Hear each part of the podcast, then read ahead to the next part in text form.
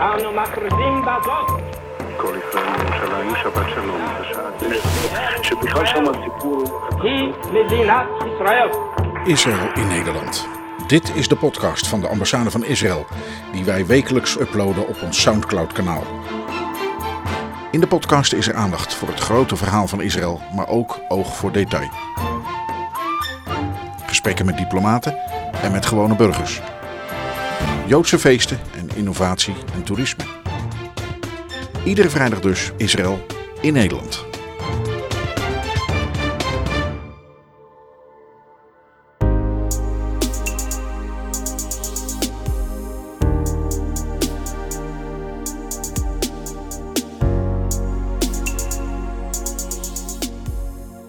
U hoort het meteen, dit is geen normaal begin van onze podcast, maar inmiddels is het toch ook wel weer herkenbaar. Het geluid van de serie over Johan Nederbracht. Vandaag sluiten we die serie echter af. En die serie ging over iets bijzonders. Ze staat in het teken van 70 jaar relaties tussen Nederland en Israël. Het is een tijdreis naar de beginjaren van de jonge Joodse staat Israël. Enkele jaren geleden zag ik bij het oud papier een antiek boek liggen. En ik ben dan zo dat ik toch nog even kijk wat het is voordat het weggaat. Het bleek te gaan om een dagboek van de eerste Nederlandse ambassadeur in Jeruzalem. En het heette Jeruzalem indien ik u vergeten. En het was geschreven door Johan Alexander Nederbracht. Hij bleek de eerste consul-generaal en vervolgens gezant van het Koninkrijk der Nederlanden in Israël te zijn geweest van februari 1948 tot en met oktober 1950. Hij maakte de stichting van Israël en de onafhankelijkheidsoorlog dus als ooggetuige mee. Over de schouder van Johan Nederbracht hebben we kunnen meelezen en meekijken naar wat hij zoal meemaakte. Zoals gezegd, met enige weemoed in het hart gaan we vandaag een punt zetten achter die serie. We zullen Johan Nederbracht en zijn markante stijl van vertellen nog gaan missen. Negen delen lang volgden we Nederbracht tijdens het uitroepen van de staat Israël, tijdens de onafhankelijkheidsoorlog en de gevechten en tijdens de wapenstilstand die volgde en alle perikelen van een jong land wat moest zien te overleven. Dit is deel 10, de terugblik.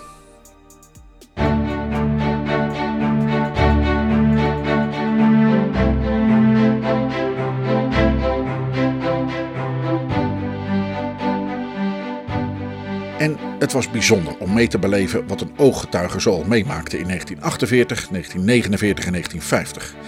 Opeens kregen we inzage in hoe het was aan de andere kant van de gebeurtenissen die in Nederland op deze manier in het Polygoonjournaal werden verslagen. Op de dag dat het Britse mandaat over Palestina eindigt, komt in de havenstad Tel Aviv de voorlopige Joodse regering bijeen in het Museum voor Schone Kunsten, dat bewaakt wordt door leden van de Haganah. David Ben-Gurion, de minister-president, arriveert voor de grote zitting waarbij de staat Israël wordt uitgeroepen. Kort na de proclamatie werd Israël reeds door enkele regeringen de facto erkend. De straten van de stad werd de bevolking onder andere door aanplakbiljetten van de geboorte van de nieuwe staat in kennis gesteld. Nu de Britse blokkade automatisch is opgeheven, stomen schepen met immigranten de havens binnen. Velen van hen hadden de reis reeds eenmaal ondernomen, maar werden toen door de Britten op Cyprus geïnterneerd. Na jaren van kant tot kant te hebben gezworven, betreden deze Joden hun nieuwe vaderland, dat zij echter eerst nog zullen moeten beveiligen tegen de aanvallen van de Arabische wereld. We hebben het dagboekdeel van het boek van Nederbracht gevolgd. We begonnen in juli met de serie, waarvan ook collega's David-Jan en Nathalie getuigen waren. Dat ging toen zo. Hoi André. Hi. Hey, we gaan lunchen, kom je mee? Eh, ehm, eh, nog even graag, kan dat? Oké, waar ben je mee bezig Ik moet dan? even iets afmaken. Ehm, nou, dat heeft met het boek te maken wat hier ligt. Oh, right, is een de zomerserie. Ja, de zomerserie voor de podcast. Eh, nou ja, het is een heel oud, eh, zoals je kan zien, een heel oud muffig boek Ja. uit 1953. Zo. Wauw. Met hele oude foto's erin en vochtplekken erin. En, eh, maar het is wel interessant. Het is van deze meneer die hier bij president Weidsman zit. Oh, wauw. Dit is het eh, dagboek van Johan Nederbracht. En Wie was hij? Johan Nederbracht was eigenlijk de allereerste Nederlandse. Ja, dat, eh, hij was niet echt zeg maar, beëdigd als ambassadeur. Maar hij was de eerste officiële vertegenwoordiger van, van eh, Nederland in Jeruzalem. En dat was zo Nu is de serie klaar. De collega's hebben meegeluisterd en hoewel we nu niet meer allemaal tegelijk bij elkaar op kantoor zijn, wegens de coronapandemie, besloten we elkaar deze week toch nog even te bellen via Zoom. Ehm, maar André, eh, de, de podcast. De Ja. laatste aflevering zit in de pijplijn. Ja, die komt. Eh, de de net- zomerserie bedoel ik. de zomerserie, nou ja, de zomerserie is het natuurlijk niet meer. Want hij is al, het is nu al november, of, oktober, dus we hebben geen, we kunnen niet meer zeggen dat het nog zomer is. Maar inderdaad, we de- hebben de serie gewoon doorgezet tot nu toe. Ja. Maar hij is klaar, inderdaad. Het laatste deel is uitgezonden. Het enige wat we eh, nog hebben is het, eh, is het gesprek met Bart Wallet. Ja, oké. Ehm, jij hebt het, eh, je hebt het hele boek natuurlijk gelezen, meer dan één keer. Ja, ja, en ik vind het, kijk, wat ik er zo bijzonder aan vond, is dat het gewoon ook een primair bron is. Als je studeert, dan maak je altijd het verschil bij de ehm, literatuur Ja. die je gebruikt, of het een primaire bron is, of dat het een, een secundair eh, literatuurobject is, waar, eh, die dus misschien ook al verhalend eh, ehm, ook gebruik maakt van primaire bronnen voor Ja. een verslag. Maar je bent dus dan geen ooggetuig van, van hetgene wat je beschrijft. Ja. Ehm, over het algemeen. Sommige historici zijn misschien wel aanwezig geweest bij bepaalde dingen waar ze het over hebben. nee, Ehm, maar over het algemeen is dat meestal niet niet. de taak van de historicus. Nee. nee. Oké, dus dat vond ik eh, eigenlijk best wel eh, spannend om te kijken van nou, hoe, hoe slaat dat aan. Maar we hebben honderden luisteraars gehad. eh, Dat is in de ongelooflijk. statistieken. Ja. Met een boek uit 1953. Wie had dat gedacht? En Dat vooral, ongelooflijk? wat maakt, wat maakt dat mensen telkens weer ehm, deze podcast eh, bleven volgen? Lange afleveringen, oud boek. Ja. What's your take on that, eh, André? Nou ja, ik denk dat het. eh, natuurlijk is het zo dat het een oud boek is. Maar daarmee is het ook eh, heel erg authentiek. De, we hebben natuurlijk steeds gezegd aan het begin. Dit, we gaan een tijdreis maken terug naar 1948. Daar is de allereerste Nederlandse ambassadeur. Die, die is zelfs dan nog geen eens ambassadeur. Hè, hij is consul, consul-generaal dan. En dan, eh, hij was erbij. En als enige bleef hij in Jeruzalem. Alle diplomaten zijn weggegaan. Hij was de enige die bleef. En ook bij zijn afscheid, en als hij dan later zijn geloofsbrieven aan gaat bieden, dan refereert eh, bijvoorbeeld dan president Weizmann van Israël, die refereert daar ook voortdurend aan. Jij bleef, de anderen gingen, maar jij bleef. Jij was een echte vriend. En ik denk dat mensen dat toch fascinerend vinden van, ja, wat- wat beweegt nou zo iemand? Die gaat daar ja, ambassadeur zijn. Nou, dan wil je eigenlijk, nou ja, dan, dan heb je een politieke, diplomatieke baan. Eh, en, en dan wordt het oorlog. Ja, dan ga je normaal gesproken gaat iedereen weg dan. Maar hij bleef. Dus het is denk ik ook gewoon het gevoel dat mensen denken: we gaan iets meemaken. eh, waar, waar, waar Johan Nederbracht zat vooraan. Die heeft het allemaal gezien, letterlijk. nou ja, een keer, eh, dat schrijft hij ook, dat zit ook in een van de afleveringen. Dat zijn vrouw s'nachts eh een beetje last van een zere keel heeft. En die loopt naar de keuken om, eh, om een glas water te drinken. En dan ineens begint het geschiet buiten. En dan vliegt gewoon door de keuken, het ene raam naar binnen en het andere raam weer uit, een kogel die haar gewoon net mist. Want ze laat zich gauw op de grond zakken als het geschiet begint. Nou ja, iemand die dus helemaal nou, er middenin zat. Ik denk toch dat mensen dat interessant vinden. Van nu, nu over zijn schouder kijk ik mee naar hoe dat is gegaan toen. Dat, ik denk dat dat het is vooral. Ja, en natuurlijk ook dat die journalist was eh, geweest. Ja, Ja, Eh, is, En dat ook eh, op een niet-ambtelijke manier kan verwoorden dat het dus ook prettig is om te lezen. Ja, het is geen rapport. Hij heeft echt gewoon notities gemaakt van wat hij zag en wat hij vindt. En vindt van alles en zo. Eigenlijk, volgens mij, doen diplomaten dat tegenwoordig helemaal niet meer zo erg. Maar tenminste, niet, niet openlijk. Maar hij ja, is daar heel openlijk over. En ehm, ja, in 1950 gaat hij naar huis en naar Nederland terug. Dan is hij, gaat hij met pensioen. En, maar dan eigenlijk meteen komt dat boek ook uit. Ehm, hij is er heel open over wat hij van dingen vindt en zo. Ehm, soms denk ik wel eens dat hij eigenlijk meer journalist was, verslaggever, dan eh, diplomaat misschien. Ehm, natuurlijk was hij diplomaat, dat was gewoon zijn functie. Maar hij, hij, eh, alles interesseert hem. Hij volgt de kranten, pluist hij na. Een keer is hij in Nederland geweest een week en dan komt hij terug en dan ligt er een enorme berg met oude kranten. Die gaat hij gewoon allemaal zitten lezen nog. Eh, Zou je eigenlijk kunnen stellen dat een, een goede diplomaat ook iets heeft van een, van een journalist? Nieuwsgierigheid en, eh, en ja, ook het vermogen om dat, eh, om de, om, dat te analyseren, hetgeen wat, je, wat er gebeurt om je heen. Ja, ik denk het wel. Ik denk wel overigens dat de Nederlandse, het ministerie van Buitenlandse Zaken daar ook heel veel baat bij heeft gehad. Want je, eh, ook die rapporten die hij geschreven heeft, die, da- daar, daar komt, die, die notities die hij dus van alles maakte, dat is later in dat dagboek terechtgekomen. En dat hebben we gelezen. Maar die verwerkte die ook allemaal in zijn rapporten naar, eh, zoals hij dat dan zegt, naar Patria. Die, die, die dus naar Den Haag stuurt. Ik, ik denk dat zijn rapporten met afstand het, eh, het, best, het meest lezenswaardig waren voor, voor de ambtenaren. Want je, je hebt het gevoel alsof je zelf zit te kijken. Het is echt heel, heel, Ja. eh, heel direct eigenlijk. Ja. En André, je hebt, eh, je hebt gezegd dat eh, in het begin dat het, eh, ja, het is een echt eh, oude boek en heel interessant. Maar hoe zou je het boek beschrijven in één zin? Eh, Misschien moeilijk, maar ja, ja, ja. als je moet. Ehm, ehm, even kijken. Ik, ik denk dat ik dan zou zeggen een ooggetuigenverslag van de geboorte van Israël. Hmm. Dus dat je, eh, eh, nou ja, een, een eyewitness report, dus dat je echt gewoon vooraan zit, net alsof je, nou ja, als, eh, eh, eh, we kennen allemaal wel die wel, wel journalistieke beelden of verslagen dat we, eh, dat journalisten ergens vooraan zitten en iets meemaken waar we allemaal ademloos naar zitten te kijken.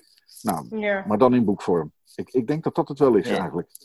Het is natuurlijk ook. En dan ook, Ja? en dan ook het, het diplomatiek perspectief. Want hij gaat niet alleen schrijven over wat er op de straat gebeurt, maar hij schildert ook de situatie in de gesprekken die hij heeft met eh, andere diplomaten en met Ja. lokale, eh, met de autoriteiten en contacten die hij heeft. Ja, en, en hij is voortdurend, is hij dan, eh, dat noemt hij dan de Kiria. Dat is eigenlijk het regeringscentrum in, waar, alle ministeries zitten. Dat zit op dat moment nog in Tel Aviv. Dat wordt dan, tijdens dat hij daar, daar eh, werkzaam is, dan wordt dat allemaal naar Jeruzalem verplaatst. Maar, eh, dus hij, hij moet regelmatig ook naar Tel Aviv dan nog. En ja, dan, dan eh, hij gaat, je hebt echt het idee dat alle deuren voor hem open gaan. Hij komt bij alle ministers praat hij. Of dat nou de minister van Buitenlandse Zaken is, dat is logisch. Maar ook van verkeer en van distributie, voedseldistributie, ehm, defensie. Hij, hij komt, iedereen kent hem daar ook, zeg maar. Dus op het moment dat hij ook weggaat, ja, al die ministers die komen naar zijn feestje. Als, er is dan op dat moment een, een regeringscrisis, dus uiteindelijk kan niet iedereen komen. Ben Gurion bijvoorbeeld kan niet komen. eh, nou ja, hè, maar dan, Mhm. je merkt gewoon, eh, ja, het is net alsof ze een collega kwijtraken of zo. ja. En daardoor krijg je natuurlijk heel veel inside verhalen en informatie die een journalist niet, ja, op straat niet zo snel zal, eh, zal te pakken krijgen eigenlijk. Hij, hij heeft die twee kanten, hè, gewoon van het gebeurt bij hem in de voortuin eh, in Jeruzalem, waar hij woont. En tegelijk heeft hij ook alle achtergrond, alle, alle dingen die van de grote decision makers, hè, van, de, van, de, van de, de mensen die beslissingen nemen hierover en hierin. Mhm. Nee, het is echt heel interessant. Ik, eh, nou ja. En wat voor, als je, je, je zegt zelf, het was interessant, eh, zeg maar, ook al zeg je het zelf, ehm, eh, je, je moest het lezen, Eh, je hebt wel eens meer boeken gelezen, Eh, je bent eigenlijk wel een expert op het gebied, Eh, ook, al, eh, ook al niet in acade- academische zin, maar eh, je bent ook in Israël geweest eh, al heel vroeg, je, je weet waar ehm, Johan het over heeft. Ja. Als hij over de kibbutzim schrijft, nou, ik Ja. zou dat nu niet meer kunnen ik zou dezezelfde ervaring niet kunnen ehm, delen, want ehm, nou, dat, dat is allemaal voor mijn generatie gebeurd. Ja, ja. Ehm, maar als jij nu als, als eh, ik noem je gewoon even Midden-Oosten deskundige, dit las, was je nog verbaasd over dingen? Of dacht je van, oh ja, dat wist ik allemaal al uit eh, andere secundaire literatuur misschien? En wat wist je nog niet? Nou, even denken hoor. Kijk, ik vond. ehm, eh, het, het, wa- het, het aparte, ik had me niet zo gerealiseerd dat het Israël van toen is heel erg herkenbaar in het Israël van nu. Ik, ik dacht echt dat het een hele andere tijd was, waar mensen op een hele andere manier met elkaar In omgingen. welke zin? Nou ja, dat, dat weten jullie ook wel. Eh, als er in Israël ergens een conflict over is, bijvoorbeeld over salarissen. Of, uh, nou, weet ik veel. De openingstijden, de wet, de wet op de openingstijden van winkels, bijvoorbeeld, zoiets. Dat levert meteen een heleboel protest op, een heleboel uh, geschreeuw, stakingen. Uh, nou, dat soort dingen. Dat, dat is, het is natuurlijk nu coronatijd, dus allemaal anders. Maar normaal gesproken werkt Israël zo. Dat is heel nou, laat ik zeggen, ehm, conflicten kunnen, zijn er snel en lopen ook vaak hoog op. Uh, dat was toen ook. Ik had eigenlijk gedacht dat ze in 1948 uh, eh, wisten van nou, de, de, het is erop of eronder. Hè, we, gaan het redden of we gaan het niet redden. Dus we, hebben, we begraven even alle conflicten. We gaan gewoon uh, samen met elkaar eerst proberen te overleven en de staat te vestigen. Maar niks is minder waar. Midden, midden onder de gevechten gaan ze staken. Uh, de pakkers een keer, die besluiten gewoon met z'n allen gewoon geen brood meer te leveren. Uh, um, moet ik even denken, wat was er nou nog meer? Oh ja, dat, ook heel herkenbaar. Uh, dat speelt zich volgens mij in 49 of in 1950 af.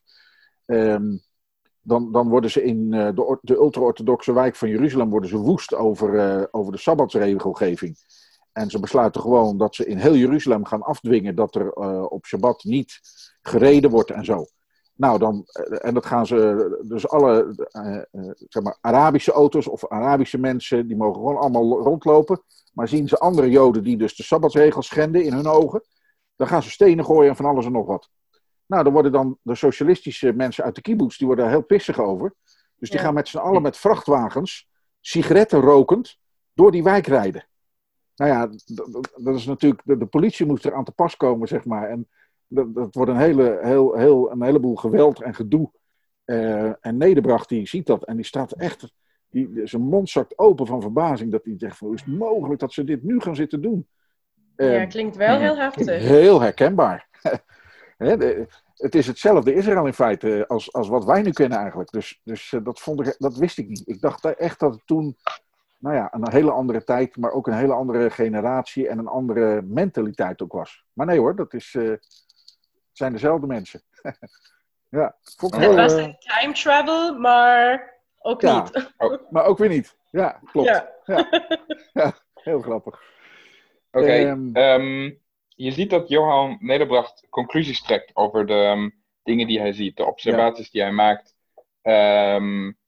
Waar ik dan soms bij het luisteren dacht van, dit vind je niet per se zo terug in de geschiedenisboeken. Hij geeft toch een andere kijk op dan, tenminste ik, voor mij waren er dingen bij waar ik dacht van, nou, dat, dat was mij niet zo bewust. Um, Wat is een voorbeeld, uh, David-Jan?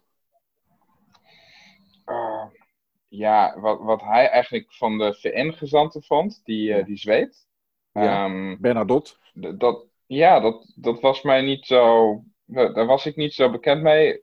Dat is niet wat je distilleert uit uh, secundair literatuur. Als Klopt. je een beeld vormt over een persoon, van ja, je weet wie, wie, mm-hmm. wie hij was, wat hij heeft gedaan, uh, hoe het af is gelopen met hem. Dan wordt een ander verhaal verteld. En uh, ja, van Johan hoorde ik dus eigenlijk um, een hele andere kant van hoe tegen hem aan werd gekeken toen. Ja, Volker ik heb dat nog even na zitten lezen op Wikipedia. Volker Bernadotte is dan de grote VN-onderhandelaar. Die heeft tijdens de Tweede Wereldoorlog ook heel veel Joden uit Duitsland geholpen om naar Zweden te komen. Dus het is echt iemand die, uh, dat ze dachten, nou, die is integer, die laten we uh, uh, aan het einde van het Brits mandaat, in 1948, laten we die op de onderhandelingen voeren. En um, nou, als je dan de Wikipedia-pagina leest, nou, het is allemaal lof, prijs en eer. Hè, want die man die is neutraal en hij pro probeert iedereen uh, nou, toch een stukje van de, van de koek te geven. En hij, hij bemiddelt en hij wil dat er geen gevechten komt. Inderdaad, als je Nederbracht leest, Nederbracht zegt, ja, die man is gewoon puur pro-Arabisch. Dus geen wonder, er luistert helemaal niemand naar in Israël. Iedereen negeert die man. Um, Hm. Dan, dan, wordt hij natuurlijk, hè, hij komt bij een, bij een aanslag om het leven. De, hij wordt uh, door een, door een Joodse militie wordt hij, uh, wordt hij vermoord, gewoon in zijn auto doodgeschoten. Nou, dan, dan zie je wel dat, dat, uh, nou, dat Nederbracht daar echt van schrikt en daar heel erg ook negatief over is. Hij vindt sowieso die, de, laat ik zeggen, de extremere Re, ja, rechtse, je kunt het heel lastig nu zeggen. Je had, je had, een, je had de Haganah, dat was ja, de voorloper van het Israëlische leger. Dat was van de grootste fractie binnen uh, meer de socialistische kant. de, de Joodse militie die voor de verdediging zorgde. En dan had je nog de, de, de Legie en ehm, de Sterngroep. En dat, ja, dat, die, waren, die deinsden er niet voor terug om ook de Britten te bestrijden. En een groep van die, die Sternmensen die schiet Bernadotte dood. Nou, dat, hij maakt daar meteen een groot punt van. Die terroristen moet je onmiddellijk in het gevangen smijten en ze vervolgen. Hè, dus daar, daar heeft hij helemaal niks mee. Maar dan zegt hij er ook achteraan, ja, maar die Bernadotte, we moeten natuurlijk niet heel op, raar opkijken. Want die man die was gewoon pro-Arabisch. Dus dat, iedereen heeft een hekel aan hem. Ja, dat lees je niet op. Wikipedia of zo eh, terug, zeg maar. Hè? Een heel ander beeld van die man. Ja. ja. ja. dat, zijn echt dingen die, nou, die je uit zo'n boek ehm, eh, ja, kunt leren. Dat, dat, je, dat je onverwachte dingen ziet die, die, nou, die je anders niet had geweten. Dit is gewoon iemand die wel verstand van zaken heeft. En ook uh, ja, er met zijn neus bovenop staat, zeg maar. En daar ook heel erg van geniet. Want uh, ja, hij noemt het niet voor niks de mooiste tijd uit zijn leven. Ja. Ja. ja. ja. En dat was een van die punten die, waar ik tenminste dacht van, nou, dat wist ik niet. Um, tegelijkertijd zegt hij dingen waar ik denk van, daar nou, heeft hij wel helemaal gelijk gehad. Hij vond, Jan, nou, bedoel ik, uh, uh, hij vond dat Israël, de Joodse staat, wel degelijk levensvatbaar was. Mm, dat er organisatorisch misschien sommige dingen niet goed gaan. Ja. Hij heeft het over evenementen die af moeten worden gelast.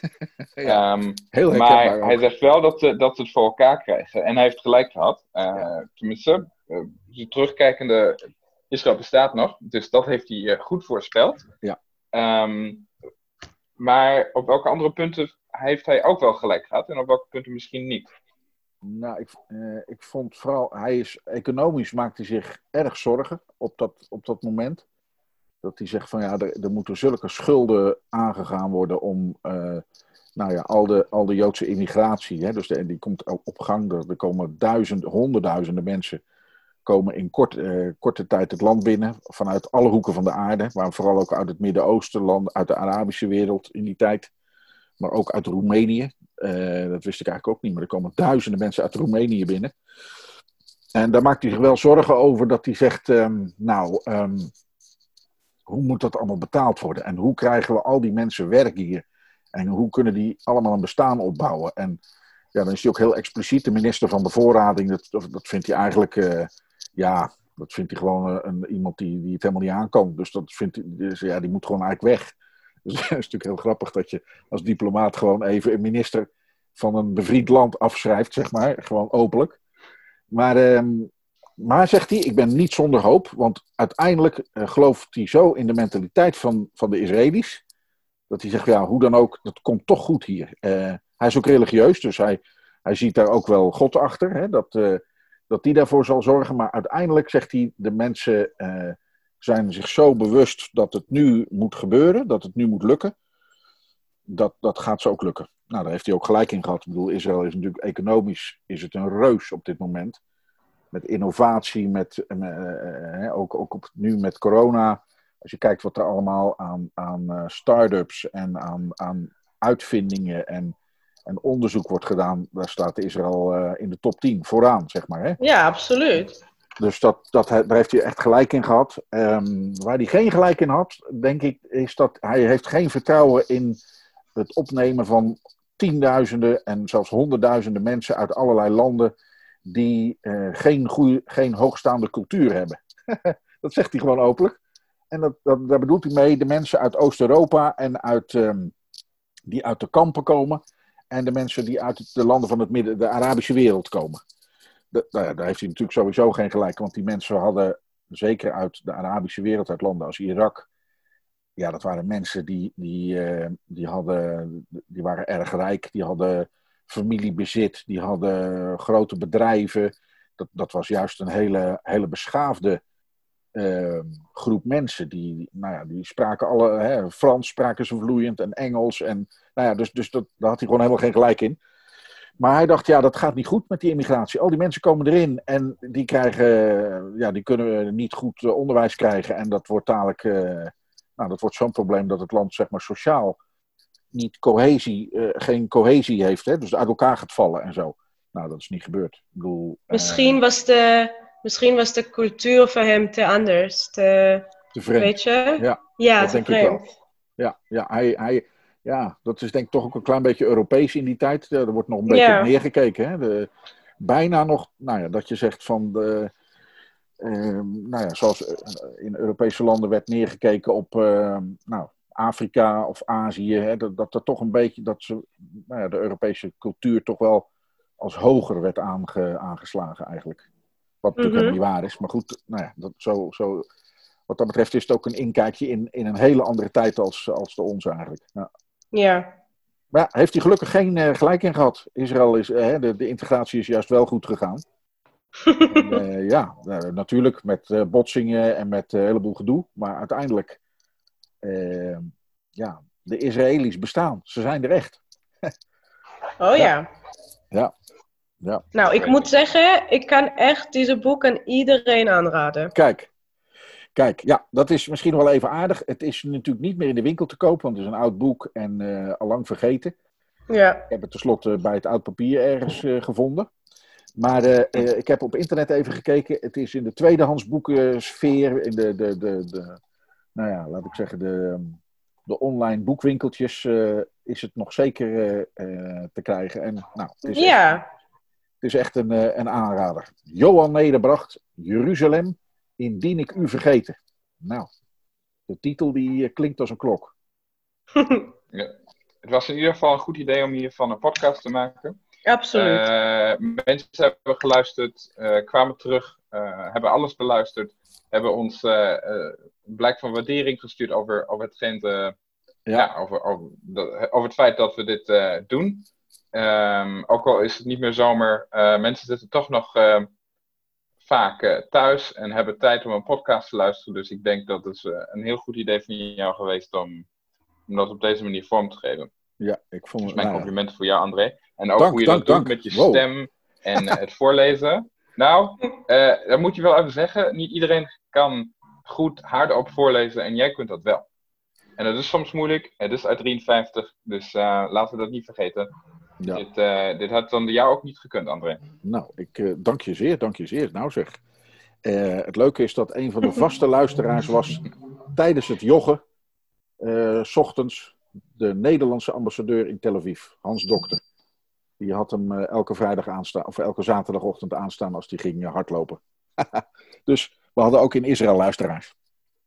Ja, nee, dat is wel. Zelfs in, eh, in Ierland en Amerika. Ja. Dus, eh, de- Heel internationaal. Liegen, liegen niet. Heel veel luisteraars. Of die allemaal Nederlands begrijpen, dat vind ik wel. eh, Weet ik ook niet, Dat ja. vind ik eigenlijk ook een, eh, een nieuwsitem op zich. Misschien dat we daar nog eens een onderzoek naar kunnen doen. Maar eh, ehm, de, de beveiliging van het gebouw stuurt mij, eh, heeft mij een seintje gegeven dat ik echt moet gaan. Jij gaat naar huis en Want, Nathalie en ik zijn al thuis. Collega's, Ja, nou, tot kijk weer. inderdaad. Fijne avond nog. En eh, ik hoop Fijne dat eh, wij avond. gauw weer samen fysiek eh, gaan werken. Zeker. Bye bye. Bye bye. Doei.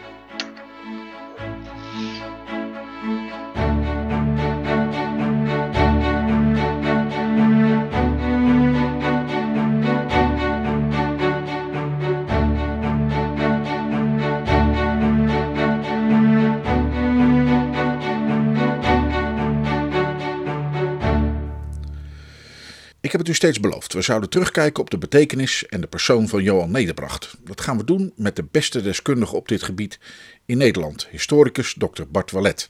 De grote deskundige op het gebied van de Joodse geschiedenis en dan met name die van de Joden in Nederland.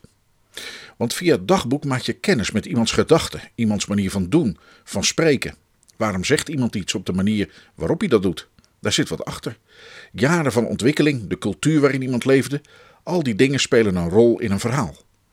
Toen Johan Nederbracht naar het Brits mandaatgebied Palestina vertrok, was hij de pensioensgerechtigde leeftijd reeds gepasseerd. Hoe verliep zijn carrière eigenlijk? Hoe belandde hij bijvoorbeeld bij buitenlandse zaken? Waar diende hij nog meer voordat hij naar Jeruzalem ging? Allemaal zaken die we met dokter Wallet gaan bespreken. Ik maakte een afspraak met hem op de campus van de Vrije Universiteit, waar we op een terras zaten naast een wegens corona verlaten beachvolleybalveld. We tutoyeren, want we kennen elkaar al jaren. Ik vroeg hem hoe het nou is gegaan dat iemand die als consul is benoemd zich mag gaan ontplooien als ambassadeur in een nieuw land wat nog niet eens door Nederland is erkend.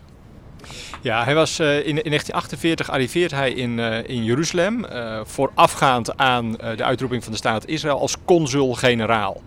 Um, en dus, dus het hoofd van de consulaire dienst. En formeel viel dat consulaat onder het, uh, de ambassade zeg maar, in, in Cairo. Uh, en uh, het interessante is uh, dat uh, in, als de staat Israël wordt uitgeroepen in 1948, dat die man gewoon op zijn post blijft zitten. Terwijl heel veel dip diplomaten uit Jeruzalem vertrekken, um, is hij een van de weinigen die daar gewoon blijft. Um, en ja, hij vertegenwoordigt daar Nederland in een staat die Nederland op dat moment helemaal nog niet heeft erkend. Nederland erkent de staat Israël aanvankelijk niet. dat gebeurt pas in januari 1949 de facto en pas een jaar later, januari 1950, de jure. Um, dus het interessante is dat hij uh, ja, een, een, een, vertegenwoordiger was bij een land dat niet door Nederland werd erkend. Um, en hij zat uh, ja, op een plek waar bijna eigenlijk geen andere diplomaat uh, te vinden was. maar hij had het er uitstekend naar zijn zin. laten we even daar beginnen dat hij dus blijft. Hij is niet bang. Nee, absoluut niet. Uh, het is een, uh, hij, is ook wel wat gewend. Ik bedoel, als je naar zijn, uh, zijn cv kijkt, dan zie je dat hij in allerlei conflictgebieden in de wereld al heeft opgetreden. In, in Danzig, in, in Trieste. En dat hij eigenlijk voortdurend dan bezig is om verschillende partijen bij elkaar te brengen. Geboren onderhandelaar, een, een diplomaat, zoals je er denk ik weinig hebt. heeft voor een heel groot deel ook dat allemaal zelf geleerd. Hij komt niet, het is geen, niet iemand die uit de elite komt zoals heel veel diplomaten op dat moment, nog met dubbele namen. Het is een self-made man die zich omhoog hoog heeft ge, gebokst. Uh, maar ongelooflijk handig en, uh, en, en, slim. En ja, hij, hij weet zich daar te handhaven in Jeruzalem. Het is toch ongelooflijk, want die man is begonnen, als ik het goed heb gelezen, uit het onderwijs komt hij. Uh, nee, eigenlijk uit de boekhandel. Uh, aanvankelijk had hij uh, uit een boekhandel in, in, in, Wageningen. Nou, dat was geen heel groot succes. en vervolgens dan gaat hij het onderwijs in. hij is heel lang journalist. En dat is ook heel belangrijk om te begrijpen waarom hij ook zo goed kan schrijven. En ook zo van houdt om veel te schrijven. en uiteindelijk wordt hij ambtenaar bij het ministerie van Buitenlandse Zaken. En nou, dan zie je dat hij eigenlijk op allerlei internationale klusjes wordt, wordt gezet. gezant van Nederland is uh, in allerlei uh, nou, conflict, conflictgebieden. en nou, daar past natuurlijk Palestina in 1948 helemaal in. Um, je zei net dubbele namen. Dat is in die tijd nog gewoon. Dus dat je eigenlijk van adel bent of tot, laat ik zeggen, de, de oude elite van, van Nederland behoort. Maar dat is hij niet. Hoe komt hij dan toch op deze post terecht? Ja, uh, één denk ik gewoon goed zijn. Uh, hij is, hij is, hij is de, de, eerste die promoveert aan wat nu de Erasmus Universiteit is. Uh, ook, heeft hij ook allemaal weer zelf geregeld. Franstalig proefschrift over China. nou, daar zie je wel, dit was niet, hij, was, hij was bepaald niet achterlijk. en dat wordt ook opgemerkt in Den Haag. En, en daar wordt hij dan na naartoe gehaald. Um, daar komt bij dat hij, het is een, een, een anti-revolutionair. de anti-revolutionaire partij zit op dat moment ook echt in het hart van de Nederlandse politiek. Um, ja, dus dat soort dingen spelen natuurlijk zeker ook mee, uh, zijn politieke kleur. Um, maar ik zou toch ook zeggen, het heeft ook zeker met zijn verdiensten te maken en met, met zijn, ja, zijn profiel. Eh, bij zijn profiel behorend is ook dat hij, het is een echte hele gereformeerde man. Je zegt al, uh, de ARP, dat was natuurlijk, de anti-revolutionaire partij, was een, de, een gereformeerde partij bij, bij uitstek.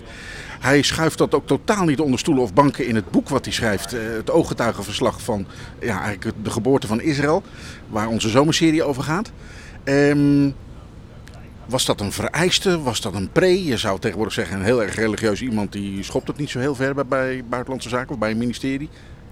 Um, nou, dat, dat, laatste weet ik niet helemaal, maar het was destijds zeker zo dat uh, de diplomatieke dienst en, en, buitenlandse zaken werd bevolkt door protestanten. Um, het, idee dat heerste destijds toch wel heel sterk, Nederland is, is eigenlijk een protestants land. Mag je niet hardop zeggen, want er zijn ook heel veel katholieken natuurlijk. Uh, maar zeker in die buitenlandse dienst, uh, dat werd helemaal gedomineerd door protestanten. Dus dan, dan heb je zeker een, uh, een pre. En in het geval van... Dus een, een katholiek, die had gewoon een streepje achter zijn naam, helaas. Ja, een katholiek, in, op, uh, zeker voor de meeste bestemmingen, kwam dat absoluut niet uh, in, in aanmerking. Omdat, omdat, vaak Nederlandse ambassades zichzelf ook zagen als um, de vertegenwoordiger voor de belangen van protestantse minderheden in heel veel landen. Dat is, dat dan praten we toch over rond de oorlogsjaren, zeg maar jaren 30, jaren 40, jaren 50. Dat is een volstrekt andere wereld, Bart. Dat is absoluut een hele andere wereld. Ja, de, de, diplomatieke dienst uh, functioneerde heel anders. Hè. De, de, meeste van die mensen, dat zijn ja, mensen uit, uh, met, met de dubbele namen, de patriciërs, adel.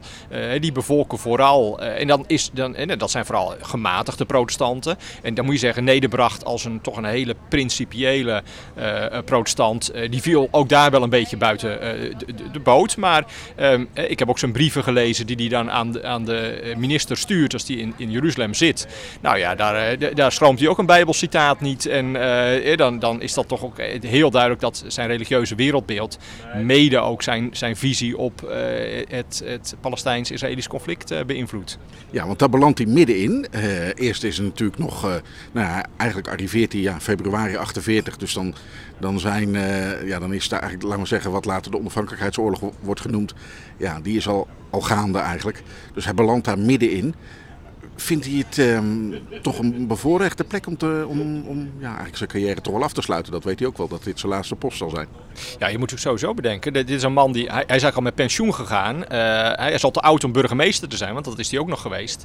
Um, en en hij, gaat, uh, hij gaat nu nog, nog even door. Hè? Dus... Um, het is een, een, man van een respectabele leeftijd uh, die er aankomt. Uh, en ja, dit is wel echt, dit, dit, dit, dit past de man helemaal. Hè? Omdat hij gelooft dat wat daar gebeurt in het Heilige Land, dat dat iets is wat niet alleen politiek buitengewoon belangrijk en interessant is. En wat ook voor Nederland economisch hele grote kansen biedt. maar wat ook voor hem religieuze betekenis heeft. En dat hij daar dan front row ja, zit en dat hij dat allemaal kan zien. Dat, je, merkt, je merkt dat hij dat fantastisch vindt dat boek wat hij heeft geschreven, dat is eigenlijk een soort dagboek wat hij dan gaat bijhouden. Uh, hij raakt ook natuurlijk een beetje van de buitenwereld afgesloten. Heel veel collega's van hem vertrekken ook. Uh, uh, zodra de oorlog nou ja, echt steeds verder op gang komt. Um, um, ja, hoe ziet hij dat dan zelf, die, zeg maar in religieuze opzicht, wat er om hem heen gebeurt? Nou, hij, hij schrijft, op het moment dat ik wegging was er een, een oude vrouw die tegen hem zei... Um, Luister goed nederbracht. Uh, Jeruzalem uh, staat in de Bijbel. Uh, dat is de steen waar iedereen zich aan zal gaan stoten. En dat ga jij ook meemaken daar. En hij schrijft ook in zijn boek, dat is precies wat ik, wat ik zag gebeuren. Ehm, hij is er zelf van overtuigd en daarin is hij kritisch op zijn eigen protestantse traditie. Um, dat wat daar gebeurt, dat dat bijbelse profetieën zijn die in vervulling gaan. Hij zegt, daar heb ik nooit, ik heb duizenden preken in, in de kerk gehoord, ik heb er nooit iets over gehoord. En hier, ik zie dit nu gebeuren en ik uh, lees s ochtends in mijn Bijbel. En uh, ja, dat heeft iets met elkaar te maken. Um, dus daar wordt hij ook mede door gedreven. En dat, dat verklaart ook dat, hoewel hij netjes de belangen van Nederland vertegenwoordigt, ehm, wel heel duidelijk is dat zijn sympathie ligt bij de Joodse kant in het conflict. Hoewel hij tegelijkertijd ook Nederland vertegenwoordigt in Transjordanië, dus aan de Arabische kant, dat doet hij ook allemaal heel netjes. Uh, maar waar zijn politieke loyaliteit, uh, of zijn loyaliteit ligt bij Nederland, maar zijn, zijn sympathie, uh, dat zegt hij uh, onomwonden, ligt aan, aan Joodse kant. Um, een hele interessante carrière. Waar begint hij eigenlijk? Die begint natuurlijk, ja, dat heb je verteld, in de boekwinkel en dan in het onderwijs. Dan komt hij bij Buitenlandse Zaken. Dan begint eigenlijk die carrière waar we het over hebben. Wat gaat hij precies doen? Uh, nou, bij Buitenlandse Zaken, uh, een van de taken die hij uh, krijgt is om in de jaren 30 gedurende een, een, aantal jaren op te treden als neutraal voorzitter van een, een commissie die eigenlijk de, de economische um, conflicten die er bestonden in de stad Danzig, en dat was een vrije stad waar zowel Duitsers als Polen woonden. En die eigenlijk ook de Duitsers wilden die, die stad weer bij Duitsland voegen. En de Polen zagen het als een Poolse stad. Dus er waren heel veel conflicten daar rond. En hij was als een soort neutrale uh, arbiter uh, daar om uh, economische conflicten tussen, die, tussen Polen, Duitsland en Danzig op te lossen. en, dat, en Danzig op dat moment is, is een van de hotbeds waar het nationaal socialisme opkomt. He, dus hij ziet eigenlijk al heel snel dat nationaal socialisme opkomen. Kijkt hij daarnaar? Hij, ehm, eh, hij wijst het af. Hij, eh, en daarin zie je eh, dat, dat, dat hij een hele diepe protestantse overtuiging heeft. Hij, hij vindt het een heidense beweging. Ehm, eh, hij, zo ziet hij ook het, het antisemitisme wat eruit voortkomt. wat hij expliciet afwijst, meerdere keren. Ehm, eh, dus hij, hij, hij, verklaart zich tegen het nationaal socialisme en tegen het antisemitisme. Ehm, tegelijkertijd eh, moet je wel zeggen dat hij eh, niet vrij is van eh, anti-Joodse stereotypen. Zoals dat helaas destijds op allerlei plekken in de samenleving voorkwam. Uh, allerlei ideeën over wat de aard van Joden zou zijn. Dat Joden zo goed met geld en met handel zijn. En eh, dat, dat Joden ook een ras zouden vormen. Nou, dat zijn ideeën die, die destijds vrij verspreid waren. En waar hij dus ook ehm, ja, zonder, zonder problemen, eigenlijk zonder kritische zin, eh, gebruik eh, van, eh, van maakt. Ehm, eh, dus je moet wel zeggen, er zit een zekere ambivalentie in, in Nederbracht in de jaren 30. Ehm, hij, is ook vrij kritisch op, democratie, op het verschijnsel van democratie. Hij, hij is doodsbenauwd voor de communisten. en hij is bang dat er allerlei rode revoluties uitbreken. Ehm, en ja, zoals als we wel bij meer mensen in de jaren 30 zie je dat die, die angst voor het communisme ehm, eh, soms ook blind maakt voor wat er eh, in, Aan aan, eh, fascistische kant precies gebeurde. Ehm, nou, ik zou zeggen, hij was niet. Eh, zeker niet eh, volledig blind. Hè. Hij, ziet de gevaren van nationaal socialisme. Ehm, eh, maar het, het, het- zijn grotere angst is, is op dat moment toch echt wel het communisme. Dat is wel duidelijk. Dan eindigt die loopbaan in Danzig, of tenminste dat stuk van zijn carrière, waarschijnlijk met de overname van de stad door Duitsland. Ja, precies. En dan is er geen neutrale arbiter meer nodig natuurlijk. En dan, dan vertrekt hij, hij dus. En nou, in Nederland wordt hij dan in 1940 benoemd tot burgemeester van Voorburg. Eh, en net, net nog door de koningin. Eh, Wat raar, want dat is eigenlijk, ja, hij zit bij Buitenlandse Zaken. En dan maken ze burgemeester. Ja, dan gaat hij naar Binnenlandse Zaken. Eh, eh, kennelijk had hij behoefte aan, eh, aan- een wat andere klus. Ehm, het, tekent wel hoe avontuurlijk eh, de man eh, ook, ook wel weer is. Ehm, eh, maar daar, ja, dan stapt hij natuurlijk op een buitengewoon ongelukkig moment eh, binnen. Hè, want even later breekt eh, de Tweede Wereldoorlog uit. Ehm, en hij blijft echt de hele oorlog op zijn post zitten. Hij zegt zelf achteraf dat hij dat doet om te voorkomen dat er een NSB-burgemeester zal komen. En dat dit de beste manier is om de belangen van zijn burgers te verdedigen. Ehm, hij is daarin eigenlijk een, een typische Nederlandse ehm, eh, eh, ambtenaar. Eh, hij weet precies wat de regels zijn.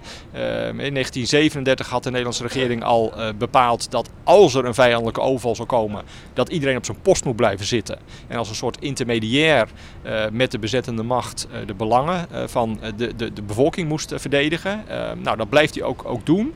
Ehm, en, Is hij daarin uniek of, of, of een eenzame eh, nou, witte raaf? Nee, eh, hij, ik zeg, hij is de, de typische burgemeester in oorlogstijd. Ehm, en dat betekent dus ook dat hij ehm, ja, al, eh, voor een heel groot deel natuurlijk ook meewerkt met het bezettende regime. Omdat hij denkt dat hij daar als Nederlands ambtenaar toe, toe geroepen is. Hij wijst ook, ook gewelddadig verzet af. Ik denk dat dat ni- niet goed is voor de, de belangen van de Nederlandse bevolking. Eh, er zijn eh, enkele heldhaftige burgemeesters die zeggen wij, wij werken niet mee. Dus er zijn zeker ook mensen die echt andere keuzes maakten. Eh, maar nou hij is typerend voor een, een groot deel van die burgemeesters die blijven zitten. eh, die, die meewerken eh, eh, met alle mitsen en maren. eh, maar eh, ehm, eh, om erger te voorkomen. Typische burgemeester in de oorlogstijd. Ehm, dat betekent dus ook dat de jodenvervolging niet buiten hem om is eh, gegaan. Hij heeft als burgemeester eh, natuurlijk ook ehm, eh, de lijsten geleverd met de, adressen van joden. Hè, zoals bijna alle burgemeesters in Nederland dat helaas deden. Ehm, hij heeft ook wel van, van sommige, eh, waar de families, eh, die, die Joodse families die uit eh, wortels in Oost- en, en West-Indië hadden, in de Nederlandse kolonies, heeft hij hun Joodse identiteit onzichtbaar gemaakt. Dus hij heeft zeker ook wel meegeholpen aan het, aan het redden van mensen. Ehm, maar hij heeft ook, ook zeker vuile handen hierin in gemaakt. Dat wordt hem denk ik dan niet in dank afgenomen na de oorlog.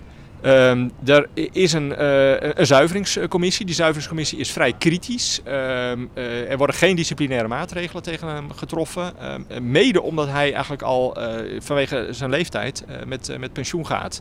Ehm, hè, dus we weten niet helemaal precies hoe dat geëindigd zou zijn. Die Als hij zuivering- 42 was geweest. Ja, precies. Als hij daar nog langer had gezeten, dan had er een zuiveringszaak. Uh, die, die had natuurlijk tot een, een reprimande uh, bijvoorbeeld kunnen, kunnen leiden. nou, dat, zover is het niet gekomen. Ehm, maar je moet wel zeggen, dit is wel een smet op zijn, op zijn blazoen.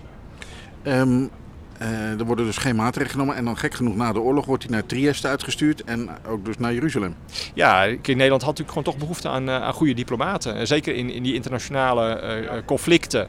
mensen die een bemiddelende rol konden spelen, die partijen bij elkaar konden brengen. Ehm, nou, de, de, Verenigde Naties die doet een beroep op Nederland in 1946 in Trieste tussen Joegoslavië en Italië en Oostenrijk. Er moet oplossing komen. Ja, dan stuur je Nederbracht, hè, want die heeft daar ervaring mee met dit soort En als hij in Trieste klaar is, dan, dan mag hij door uh, naar, uh, naar Jeruzalem. Dan belandt hij in, uh, in Palestina. kort daarna, na, na, zijn aankomst, wordt het Israël. Ehm, hij is pro-Israël. Hij staat er helemaal achter. De zijn sympathie ligt bij de Joodse zaak. Ziet hij dat zelf als een soort ommekeer? Heeft, hoe kijkt hij zelf dan terug op die nou ja, laat ik zeggen, de, toch wat smetachtige uh, oorlogsjaren, waar hij natuurlijk een andere, andere functie heeft, en dan, en dan nu dit. Ja, hij, hij um uh, hij zegt zelf, uh, hè, als er, uh, er is sprake van een collectieve schuld die, die christenen, de, de niet-Joodse bevolking, hebben. en, ehm, en daar deel ik ook persoonlijk in. En ehm, ik zal alles doen wat in mijn vermogen is om, um, om, om dat in zekere zin goed te maken door nu het, wat hij dan noemt, het goede voor Jeruzalem te zoeken. dus hij legt zeker wel een verband. Hè, hoewel tegelijkertijd moet zeggen dat, dat dit, dit, was niet de man die uitgebreid in zijn ziel uh, liep te, te, graven. Op zoek naar wat hij allemaal precies verkeerd had gedaan. En uh, um, daar was hij te veel een no-nonsense figuur, denk ik, voor. Um, maar hij legt op die manier wel een verband. Hè, zonder dat, dat, dat, dat hij nou uitgebreid heeft gezegd van daar heb ik fouten gemaakt. En, en dat had ik anders moeten doen. En had ik maar die lijsten niet geleverd bijvoorbeeld. Hè. Dat soort opmerkingen komen we van hem niet tegen. Nou, uh, en, uh, na de oorlog ook vanwege zijn, natuurlijk zijn pro-Israël houding... wordt hij ook in de Joodse gemeenschap hier in Nederland op handen gedragen. Wat ik zeg, al zei, dat boek wordt een bestseller. Uh, en dan veel later worden er wel kritische kanttekeningen her en der geplaatst. Er vallen ook zware woorden, dat het, het woord antisemiet. nou ja, collaborator. Het verzet is al meteen na de oorlog niet erg happy met hem. Uh, dan zeg ik het nog heel netjes. Ze zijn behoorlijk kritisch. Uh, hoe kijk jij daar tegenaan? Ja, nou oké, daar, daar, is inderdaad een, eh, een, een debat over, over geweest, over de houding van, uh, van Nederbracht. Uh, ik denk dat als je al, al die gegevens op een rij zet, dat, dat je moet zeggen, ehm, hij... Ehm, uh, dat, dat, hij een antisemiet was, dat, uh, dat zal ik uh, zeker niet zeggen. dat hij wel, ook anti-Joodse stereotypen met zich meedroeg, zeker. Ehm, maar zijn, zijn grondtoon is er eigenlijk één. Het is een hele vrome man ehm, die antisemitisme als, een, een ja, als strijdig met zijn geloof ziet. Um, en, en, dat is wel de grondtoon die, die, die er voortdurend is. tegelijkertijd zie je dat het een, een, een ambtenaar is. in zekere zin ook een typische ambtenaar die, die gewoon loyaal blijft aan, uh, aan zijn regering. En als zijn regering zegt hij moet uh, tijdens die oorlog uh, meewerken om erger te voorkomen, dan doet, hij dan doet hij dat ook, want hij denkt dat dat zijn plicht is. Hè, dus, en en dat hij gewapend verzet afwijst, hij is op dat moment echt heilig van overtuigd dat dat de beste manier is om Nederland goed door de oorlog te krijgen. Ehm, dus uh, ja, het is, het is misschien wel wat makkelijk uh, om nu met de blik van achteraf om precies te zeggen, ja, je had toen zus en zo moeten doen. Um, het, het, het, terwijl je tegelijkertijd moet zeggen, het blijft natuurlijk heel pijnlijk dat, dat hij als burgemeester ehm, niet voor zijn Joodse bevolking is, is gaan staan. hoezeer hij daarmee ook de uitzondering geweest zou zijn. Voor zover ik weet is er maar één burgemeester die van Amstelveen geweest, die echt heeft gezegd: ik werk hier niet aan mee en uh, ik treed dus af. Um, daar heeft hij niet mee voorkomen, maar die burgemeester Haspels heeft op die manier natuurlijk wel um, ja, zijn eigen blazoen schoongehouden. Absoluut, zijn handen schoongehouden, maar ook voor, voor zijn persoonlijk, voor zijn geweten uh, uh, gezegd van dit kan ik niet, niet, niet verantwoorden. Dat boek wat hij heeft geschreven, uiteindelijk stelt hij er een boek over samen als hij weer terug is in Nederland. Dat wordt een bestseller. Was hij daarmee met zijn sympathie, hè, om het even dat punt vast te houden, ehm, was hij daarmee een probleem voor buitenlandse zaken? Want ja, dat, daarmee had hij wel een duidelijk kleurtje. Ja, nou bij, bij buitenlandse zaken, um, uiteindelijk wordt hij daar wel in gesteund. Uh, maar er komt zeker ook wel tegengas hoor. Als hij dan rapportages stuurt die wel, uh, wel heel erg de, Israëlische kant ophangen, uh, dan worden daar wel vragen bij gesteld. Maar dan, dan met, met hetzelfde gemak duwt hij weer terug en zegt hij: Ik heb, ik heb toch gelijk. en, en dat wordt uiteindelijk toch ook geaccepteerd. Um, een van de hele interessante punten is natuurlijk dat, dat, er, dat er heel veel debat ontstaat in 1949. Dan besluit besluit eh, eh, de jonge staat Israël dat eh, Jeruzalem als hoofdstad wordt gekozen. Ehm, nou, dan, dat is eigenlijk het moment waarop de meeste landen, zeker Europese landen en Amerika, die besluiten allemaal onze ambassade vestigen we niet in Jeruzalem. want de Verenigde Naties had gezegd dat moet een internationale stad worden, dus dat kan geen Israël zijn. Ehm, maar dat, die vestigen we in Tel Aviv. Ehm, nou, Nederland uh, die moet daar natuurlijk ook een besluit over vormen. En Nederbracht die, uh, ja, die zit daar heerlijk in, zijn, in een prachtige woning in, in Talbië, uh, in Jeruzalem. En hij heeft dat daar heel goed naar zijn zin. bovendien heeft hij ook, ook astma. En ja, volgens hem is dat voor hem heel slecht om in Tel Aviv te zitten met zijn astma. Um, dus dus ja, zijn persoonlijke voorkeur is om Jeruzalem te blijven zitten. maar hij denkt dat hij daar ook hele goede politieke redenen voor heeft. Um, en en ja, hij, hij, hij, is ervan overtuigd dat, uh, dat, dat Jeruzalem de hoofdstad van uh, de Joodse staat moet zijn. Hij, hij zegt ook tegen Ben Gurion van, wat, wat, waar zijn jullie mee bezig? Waarom zijn al die ministeries van jullie nog in Tel Aviv gevestigd? Waarom komen die ook niet naar Jeruzalem?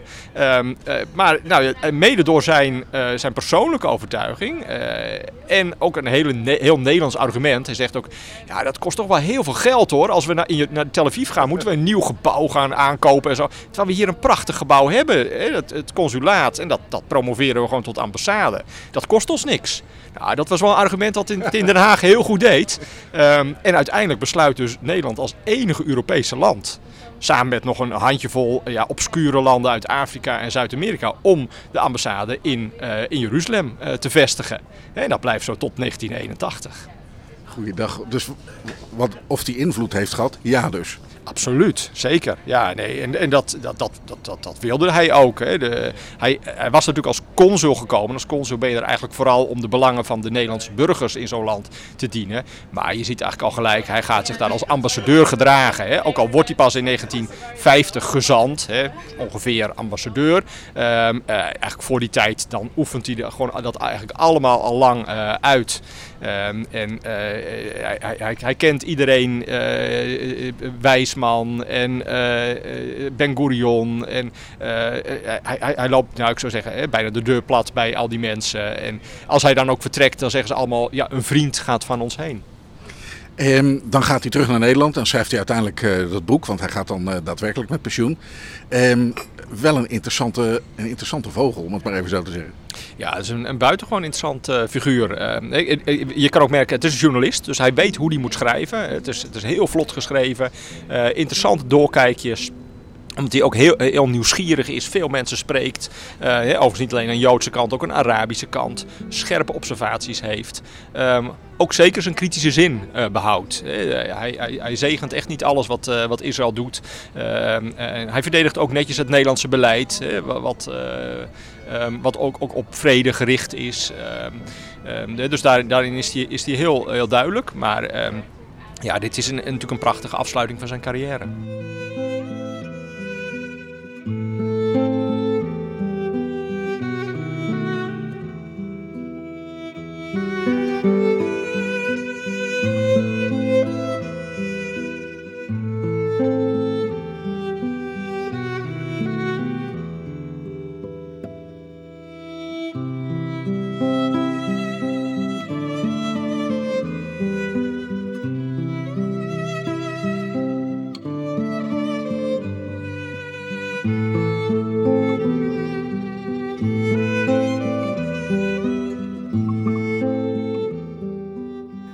Komen we aan het einde van deze aflevering van Israël in Nederland en tevens dus aan het einde van onze serie over het dagboek van Johan Nederbracht. De eerste officieel vertegenwoordiger van Nederland in de jonge staat Israël. Vanaf komende vrijdag starten wij weer met de reguliere vrijdagse uitzendingen van onze podcast. Graag tot dan.